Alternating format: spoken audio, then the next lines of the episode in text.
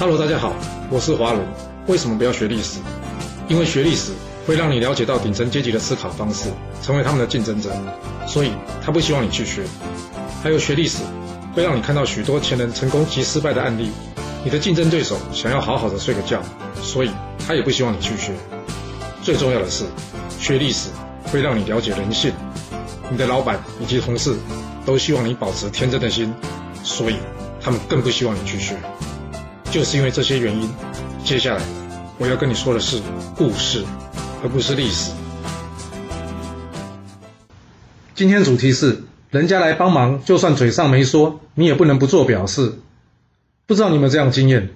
有些同事或者朋友本来跟你相处还不错的，但是最近突然间觉得，哎，好像越来越疏远了。这有没有一种可能，是因为他最近帮过你什么忙，但是你该有的礼数没有做好所造成的呢？让我来说说两个故事给你听吧。这春秋初期呢，齐桓公想要借着代替周天子任命这宋国国君的机会啊，称霸这个诸侯。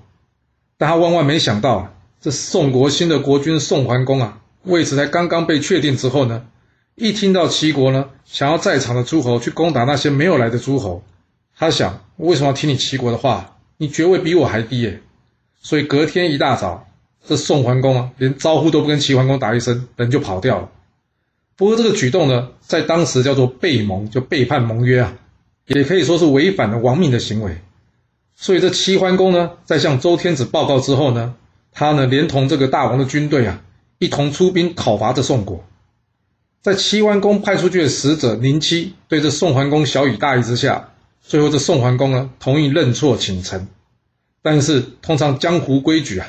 这认错呢，就是要怎么样？摆桌酒席请吃饭嘛。换句话说，不是认错就好了，至少要些赔礼吧。那要赔多少东西呢？宁戚告诉这宋桓公：“哎呀，你只要准备一份肉干就可以了，只要一份肉干。”哇，这宋桓公原先还担心齐桓公会狮子大开口向他索取赔偿啊，结果只是要口头道歉以及一份肉干，那简单呐。所以他就按照宁戚的建议进行了。不过事情真的有这么简单吗？宋桓公才没那么白目嘞！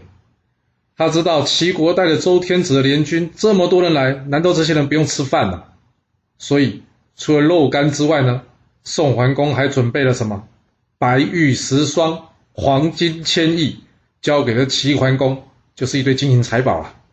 齐桓公呢，最后将这些金银财宝呢，转交给周天子的将军，这样这件事就算结束了。另一个故事呢，则是接在这个故事之后了。之后呢，这周天子请齐桓公帮忙啊，去教训这个魏国，因为之前呢，魏国呢曾经派兵攻打过这周天子。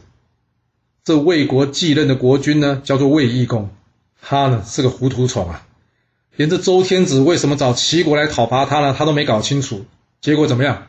就出兵与齐国一战，糟糕了，是还被齐国打个大败。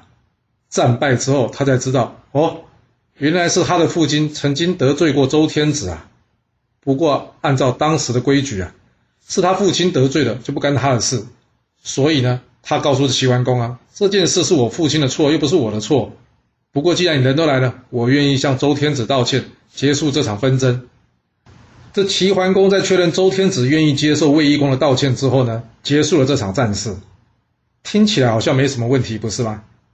这问题可大了！要是你是卫懿公，你真的觉得道歉就了事吗？齐国率领大军出征，呢，虽然是周天子的要求，那这一路上军队是不用吃不要用哦。你道歉之后，连请人家吃顿饭，慰劳人家的辛苦都不用吗？你看看之前的宋桓公，他是连仗都还没打哎，结果宋桓公还拿出这么多的财物来。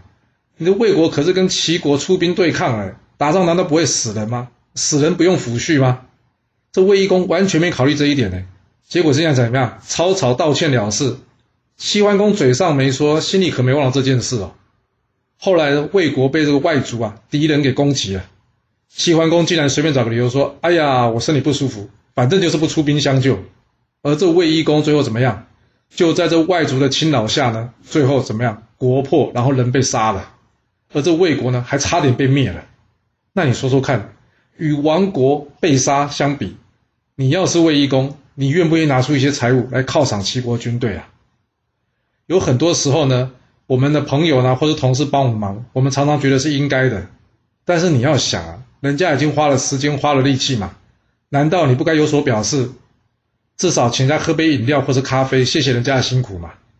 当然啦，请客这种事还是要看自己的能力跟状况，不用每次都这么做。不过千万不要认为哦，人家帮你是应该的。